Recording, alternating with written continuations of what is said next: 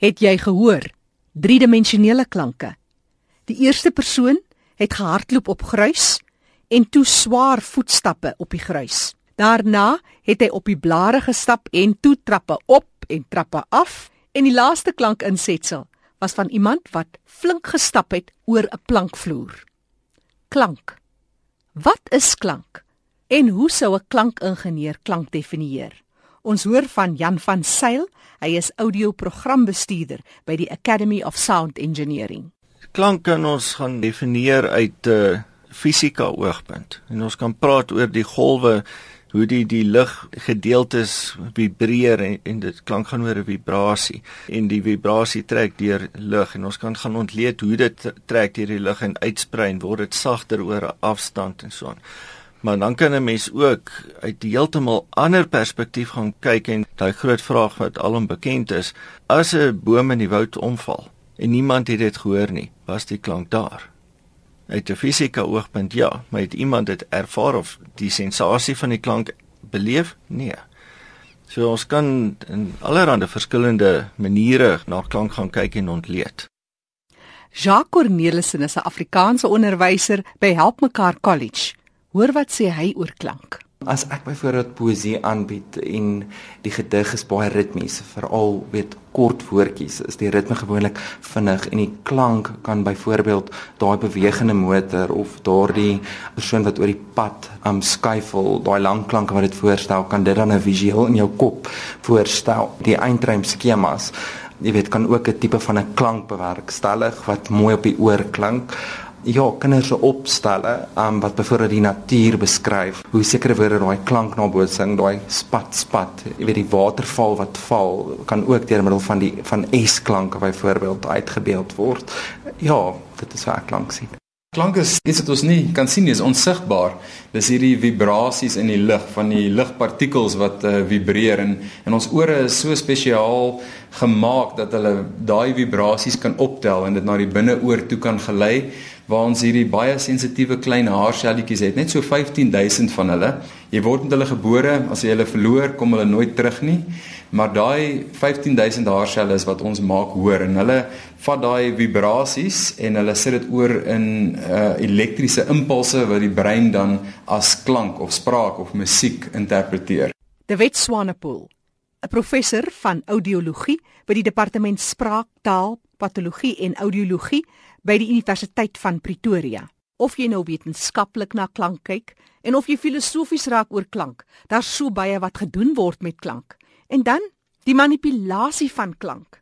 Ons het hier 'n voorbeeld van die Shepard skel opname waar die klank afgaan, die toonhoogte begin hoog en gaan af en af en af. Maar soos wat 'n mens luister is daar 'n vreemde sensasie want mens kom agter maar hierdie klank gaan nooit onderuit kom nie.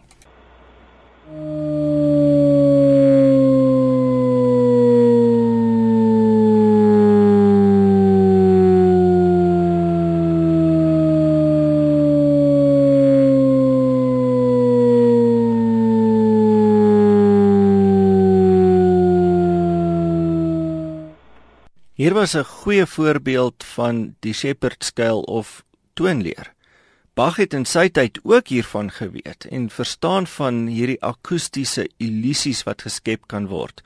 Kom ons luister na 'n klein uittreksel na sy fantasie in G mineur waar hy in die pedaallyn of die baslyn baie effektief die shepherd scale naboots.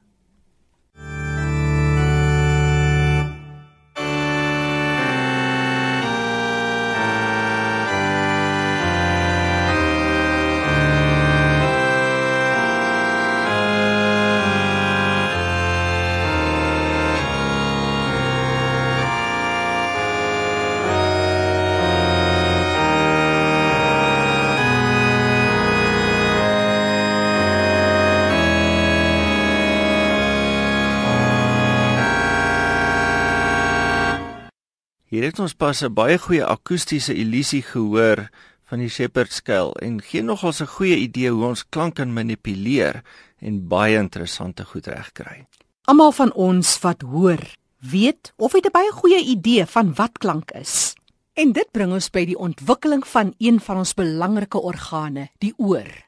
Die interessante ding met die ontwikkeling van gehoor by die mens is dat dit begin al baie vroeg, jy weet, so 'n embrio op so die 22ste dag begin die binneoor al ontwikkel. Dis die eerste deel van die gehoorstelsel wat ontwikkel, dan sit die middeloor en dan sit die buiteoor wat ontwikkel.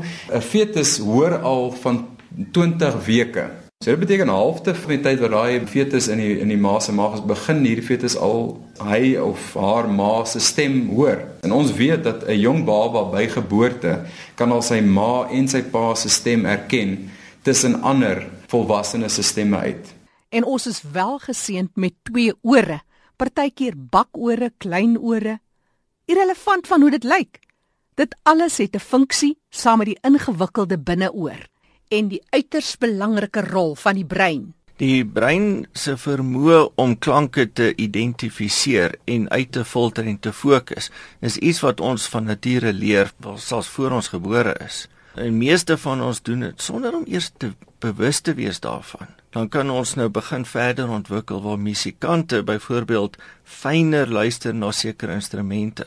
Watter instrument ook al die musikant bemeester, daai musikant se gehoor is baie fyner op daai instrument. En dit gaan op die beginsel van as ek 'n prentjie van 'n stopteken in China wys. As jy nog nie in China was nie, gaan jy nie die prentjie herken nie. Maar as ek vandag vir jou die prentjie wys en sê dis 'n stopteken in China. Môre as ek jou prentjie wys, gaan jy dadelik, o, wat is mos nou die stopteken in China? Dit gaan oor herkenning. En op daai manier kan ons ons brein ontwikkel en leer om te fokus op sekere klanke. Maar hierdie is ook weer verder as net luister het ek dit gehoor. Dis 'n kwessie van het ek dit gehoor en kan ek dit herken, dit reg interpreteer. Ja. Maar wat gebeur as jy jou kop onder water druk? Hoekom ervaar jy dan die klank weer heel anders? Wanneer jy onder water is, werk gehoor bietjie anders, want nou is dit nie klankpartikels nie, dit is nou waterpartikels wat uh, aan die beweeg gesit word en dit vibreer jou hele skedel. Op 'n sekere mate kan dit meer direk wees want jou gehoororgaan sit in jou skedel. Dit is eintlik in 'n baie sterk benige struktuur. Wanneer jou skedel in vibrasie gesit word, vibreer dit daai hele struktuur.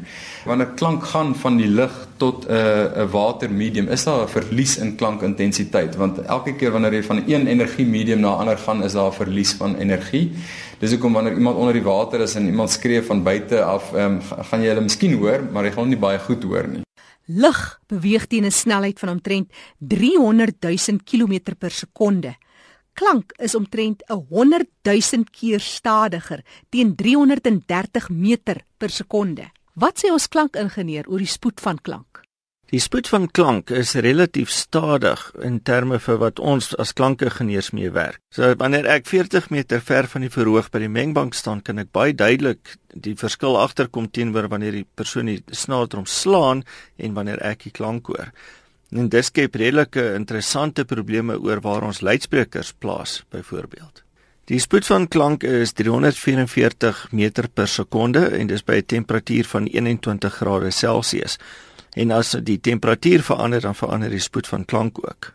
Wanneer jy skree van 'n bergtop af, sit jy ligpartikels in vibrasie. Hulle beweeg se teen 'n sekere spoed. Nou as hulle dan eh, teen 'n kraans of iets vastref, dan word hulle gereflekteer en hulle kom terug na jou toe teen daai spoed. Dis hoekom maar so 'n bietjie van 'n tydperk is vir 'n ego. Jy het 'n klank gemaak en dit vat 'n rukkie vir die klank om tot daar te kom en weer terug te kom na jou toe en, en so hoor jy dit. Die ander kant van die muntstuk is wanneer jy dit nie gehoor het nie. Sarisha Griesel is 'n audioloog. Sy vertel van gehoorverlies en hoe ons dit ervaar. Uh mens kry drie verskillende tipes gehoorverlies. Uh, een van die tipes is die 'n uh, konduktiewe gehoorverlies, byvoorbeeld 'n uh, was wat die oorkanaal heeltemal blok of daar is moontlike oorinfeksie en dit is gewoonlik 'n uh, tydelike gehoorverlies. Dit is sien ons baie met kinders wat meer gereeld oorinfeksies ervaar as volwassenes. En as 'n kind gebore word met 'n gehoorverlies, dan het hy al klaar by geboorte 4 maande van taalblootstelling wat hy agter is. Geen kliniese toets wat 'n dokter kan doen by geboorte kan vir hulle sê of die kind hoor of nie. En gehoorverlies affekteer ook verskillende frekwensies. So dit mag wees dat jy 'n geraas maak by 'n plek waar die kind wel hoor, maar hy mag op ander plekke nie hoor nie, ander frekwensies, ander toonhoogtes. So die aanbeveling is maar altyd dat kinders 'n toets skryf wat audioloog doen. Dis ons noem dit 'n oto-akoestiese emissie toets. Dis 'n groot woord. Dit beteken maar net ons bied 'n klank aan in die kind se oor en daai sensitiewe haarselle wat ek van gepraat het, uh, wanneer hulle daai klank hoor en hulle werk normaal, begin hulle beweeg. En daai toets vat 1 minuut. En dan kan ons weet of 'n kind um, se gehoor normaal is of nie. Ongelukkig word hierdie toets op minder as 10% van babas in Suid-Afrika gedoen. Dan sensories neurale verlies. Nou dit is eintlik maar die term vir 'n uh, permanente gehoorverlies. Dis daai klein fyn diskriminasieklankies begin affekteer word. Gewoonlik is dit eers die hoë klanke Ehm um, dit is as dit moontlik ouderdomsverwante gehoorverlies is. Ons sien dat die getal van mense wat gehoorverlies het neem toe. So dis 'n wêreldwye probleem, grootendeels omdat ouderdoms doofheid en gehoorverlies die nommer 1 rede is vir gehoorverlies in die wêreld en ons sien dat wêreldwyd word mense ouer. En die ander groot ding wat ons sien is dat dis nou gehoorverlies ook by jonger mense, selfs by tieners en jong volwassenes as gevolg van die blootstelling van musiek teen harde intensiteite wat hulle met oorfone binne in hulle ore het eh, en dat hulle hierdie blootstelling het vir langdurige tye, weet op een. En hier is van die reaksie van hierdie jong volwassenes. Ek moet sê, um met die slimfoon veral, hy kom juis uit met oorfone wat jy in die boksie kry.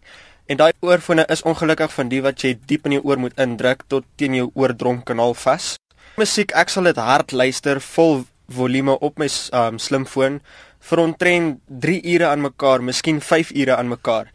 En na die tyd van ek het uit my ore uithaal en my ma praat met my, kan ek nie verstaan wat sy vir my sê nie, want ek hoor net nog die musiek in die agtergrond. En baie keer in raserige omstandighede wat veroorsaak dat hulle die volumes opstel en dan begin dit gevaarlik raak. Soos op internet luister ek baie op op webwerwe luister ek baie musiek. Dit loop aan soos maklik vir 4, 5 ure, maklik aan een. As jy harder ehm um, die musiek luister, hoe lekkerder word dit vir jouself. Ek luister na musiek seker 3 4 ure aan mekaar meestal met met oorfone in. Met oorfone veral dink ons okay niemand anders kan ons hoor nie so ons kan so hard sit as wat ons wil. Ons blank die wêreld uit ons ons rebellie gee oor van ek gee nie om nie. Hoe harder die musiek is dit maak 'n indruk. Veral ook oor die radio as jy dink ah hierdie hier is 'n baie cool liedjie. Jy draai jy draai die klank oop en as jy gaan slaap dit speel oor en oor. En as jy wakker word dan voel jy okay dit was bietjie vreemd, maar dan voel jy nie uitgerus nie en want dit is heeltyd daai oor en oor frekwensie, daai harde frekwensies wat in jou ore oorspeel. So ja, ek kan op 19 sien dat dit my klaar affekteer. Maar dit is nie asof ek dit anders sou doen nie. Musiek is musiek. Mens kry baie verskillende patrone met gehoorverlies, ook baie verskillende oorsake van gehoorverlies. So dis nie altyd noodwendig die jou hoë frekwensies wat eers geaffekteer is nie, maar met ouderdomsverwante verlies is dit gewoonlik daai hoë frekwensies, sowel as gehoorverlies as 'n resultaat van geraasblootstelling.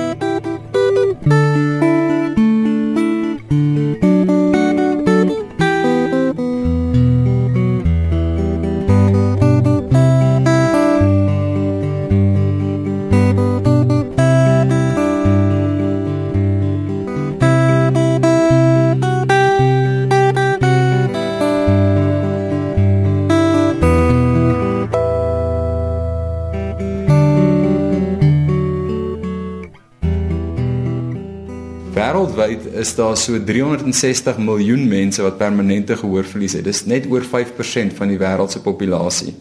En in Suid-Afrika, as ons kyk na daai statistieke, dan beteken dit meer as 3 miljoen mense in Suid-Afrika het 'n permanente gehoorverlies. So dit is 'n groot ding. Daai getal is eintlik vir mense wat 'n redelike ernstige gehoorverlies al reeds het.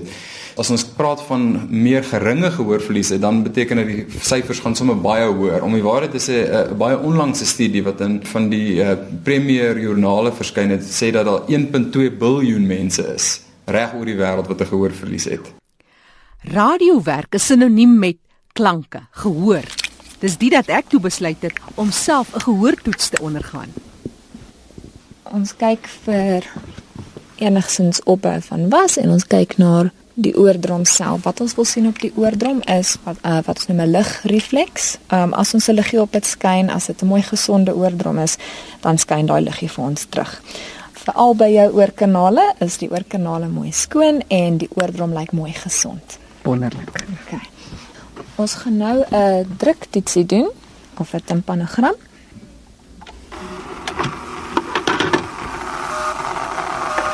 Ons het die uitslag vir die uitgeprint. So dit is 'n mooi normale resultaat vir albei ore.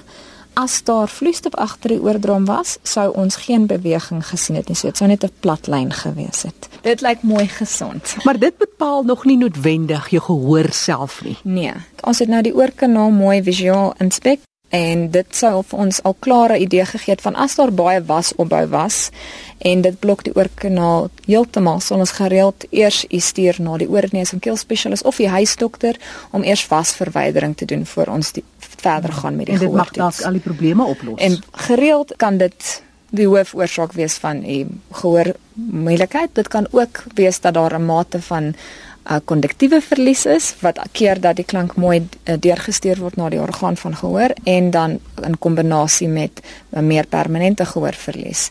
So dit kan dan uh, wat ons noem 'n mixed gehoorverlies wees. Sarisha, jy's die audioloog, jy het nou my gehoortoets gedoen. Wat sê die uitslae?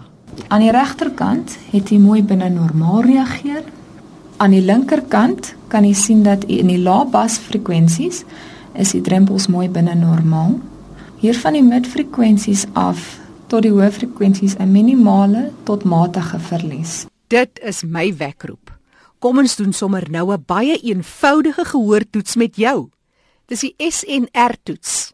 In Engels word daar verwys na signal to noise ratio. In Afrikaans praat ons van die sein tot ruis verhouding. Ruis soos in geruis, geraas. Die toets is ontwikkel deur die Universiteit van Pretoria, Departement Spraak, Taal, Patologie en Audiologie. Dis die werk van professor De Wet Swanepoel en sy kollega Dr Herman Meiburg. Nou ek gaan eers vir jou 'n voorbeeld speel sodat jy jouself kan vergewis van hoe dit klink en waarna jy moet luister. Dis dalk nie so duidelik nie, maar dit is juis die effek om te bepaal hoe goed jou gehoor is. Kom ons luister. 5 7 8 Het jy gehoor? Agtergrondgeraas terwyl drie getalle gelees word. Maak nou eers seker dat jou radio se volume op 'n gemaklike klank is en dan doen ons die laaste oefenlopie voor die toets. Let wel, daar is 'n geruis, so dit is nie 'n foutiewe opvangs nie. Probeer om nie enige verstellings te maak terwyl die toets aan die gang is nie. Hier is ons laaste oefenlopie voor ons begin. Dis die 0 desibel sein tot ruisverhouding. Maak nou enige verstellings indien nodig. 5 7 8 En nou vir die volledige toets. Dis 4 stelle, 3 getalle in geraas. Hulle gaan van die maklikste 0 desibel sein tot ruisverhouding na die moeilikste minus 9 desibel sein tot ruisverhouding. Jy moet nou mooi luister en die drie getalle wat gelees word probeer onthou of vinnig neerskryf. 6 4 5 Het jy gehoor? 6 4 5 Hier volg die tweede stel.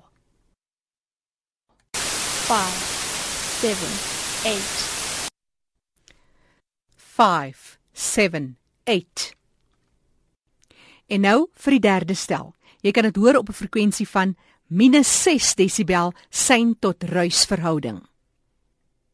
5 9 2 Het jy gehoor? 592. En nou vir die laaste stel. -9 desibel sein tot ruisverhouding. 8 5 1 Kom ons herhaal gou-gou die laaste stel.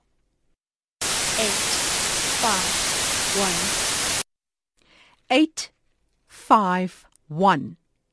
Dit is -9 desibel getalle sein tot ruisverhouding. As jy nie die laaste getalle gehoor het nie, mag dit 'n aanduiding wees dat jy 'n afname in gehoorsensitiwiteite het. Die aanbeveling sal wees dat jy 'n audioloog gaan sien vir 'n diagnostiese gehoortoets. Indien jy weer die toets wil doen of dit aan iemand anders aanbeveel om te doen, gaan maak 'n draai op ons webtuiste rsg.co.za. Die gehoortoets is op ons webtuiste. Die gehoortoets is ontwikkel by die Departement Spraak, Taal, Patologie en Audiologie by die Universiteit van Pretoria onder leiding van professor De Wet Swanepoel en sy kollega Dr Herman Meiburg. Die toets is ontwikkel met agtergrondsgeraas. Dis die geruis wat jy gehoor het. Jong mense hou veral van die geraas. Dit is van die grootste uitdagings vir mense met gehoorverlies, hoe gering die verlies ook al is. Ek is baie lief vir geraas en ek kan net nie musiek baie sag luister nie want ek voel ek hoor nie alles wat daar gehoor moet word nie. So ek sal iewers nog 'n apparaat kry wat nog harder musiek kan speel. Ek's nou 19, so my generasie het groot geword met die evolusie van musiek, die kwaliteit van musiek met compression. Die klank word baie teen mekaar gedruk, so die kwaliteit daarvan word verlaag. So ons dink hoe harder, hoe beter die kwaliteit. Ek is 'n klankingenieur student. Ek weet dit is dalk gevaarlik vir my, maar dis lekker, so ek gaan ek gaan aanhou om dit te doen. As ek moet uitvind dat ek oor 10 jaar sal doof wees, sal ek eerder daai 10 jaar wil geniet met harde musiek as wat ek met sagte musiek sou wou geniet het. Die jeug en hulle siening omtrent geraas. Maar mense met gehoorverlies het 'n groot uitdaging as dit kom by geraas. Veral in situasies met agtergrondsgeraas is dit vir meeste mense met 'n uh, mate van gehoorverlies die moeilikste situasie. Sien nou maar in 'n winkelsentrum of by 'n konsert. Baie gereeld is dit mense om mens wat jou inlig dat hulle bekommerd is oor jou gehoor en mense is nie altyd bewus daarvan nie want ons kompenseer deur visueel um aandag te gee en ook die oor die konteks as ons weet ons praat nou oor hierdie persoon se troue dan kan jy bietjie invul wat jy skat daar dit oor gaan. Dit is baie gereeld moeilik om regtig te bepaal of mense sukkel met jou gehoor tensy jy 'n gehoortoets laat doen. So ons beveel aan jaarliks monitor die gehoor. Gepraat van jaarliks, maar het jy al ooit jou gehoor laat toets? Mense sou geneig om elke tweede jaar jou oë laat toets. Wat van jou ore? Dis juis omdat ons kan hoor wat ons deur middel van spraak met mekaar kommunikeer en bewus word van potensiële gevare. Dit verskaf ons ook groot plesier om na musiek te luister of ons geliefdes se stemme te hoor. 'n Voorreg wat nie vir almal beskore is nie. Wat gebeur as alles in plek is en iemand kan nie hoor nie? Wat is doofheid? Dit is goed om te dink aan mense gehoororgaan in terme van daai 15000 haarselletjies. So baie klein orgaan, daai orgaan is die grootte van 'n ertjie. So jy kan nou dink as daar 'n massiewe hoeveelheid klankenergie deur jou oordrom gaan in daai uh, sensitiewe uh, binneoor dat daai groot klankgolwe veroorsaak skade aan daai klein delikate haarselletjies. En daai skade is baie keer net tydelik en dan het mens iets wat ons noem 'n tydelike gehoorverlies maar oor tyd begin hulle permanente skade opdoen. So daai haarselletjies gaan letterlik dood. Soos hulle doodgaan, kom hulle nooit weer terug nie. Ongelukkig kan ons nie ons haarselle teruggroei nie. Daar is ander uh spesies wat hulle haarselle kan teruggroei. Om waar dit sê voëls kan hulle haarselle teruggroei. So as 'n hoender geraaskade het, kan hy daai haarselle teruggroei, maar die mense oor kan dit nie doen nie. Laat dit vir ons 'n les wees in klank en die menslike oor. Ons het dalk nie die voordeel van voëls of walvisse wat tot 800 km ver met mekaar kan kommunikeer sonder enige apparaat. Het jy gehoor? Vlee kan glad nie hoor nie. En so is daar geen klank in die ruimte omdat daar geen voorwerp vir klank is om deur te beweeg nie.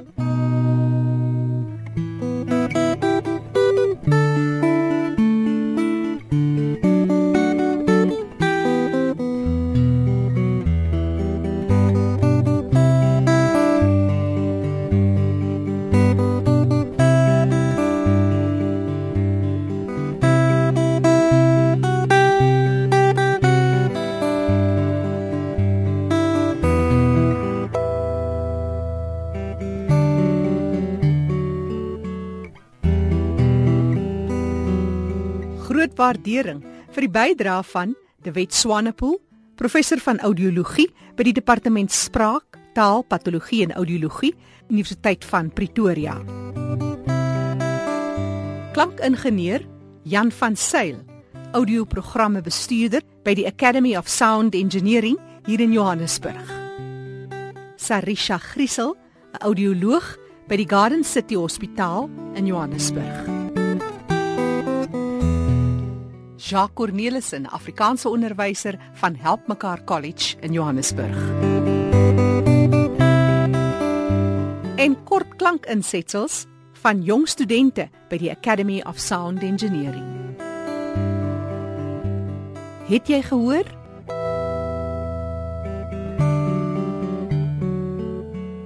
dokumentêr oor klank en die menslike oor, saamgestel deur Jackie January in Johannesburg.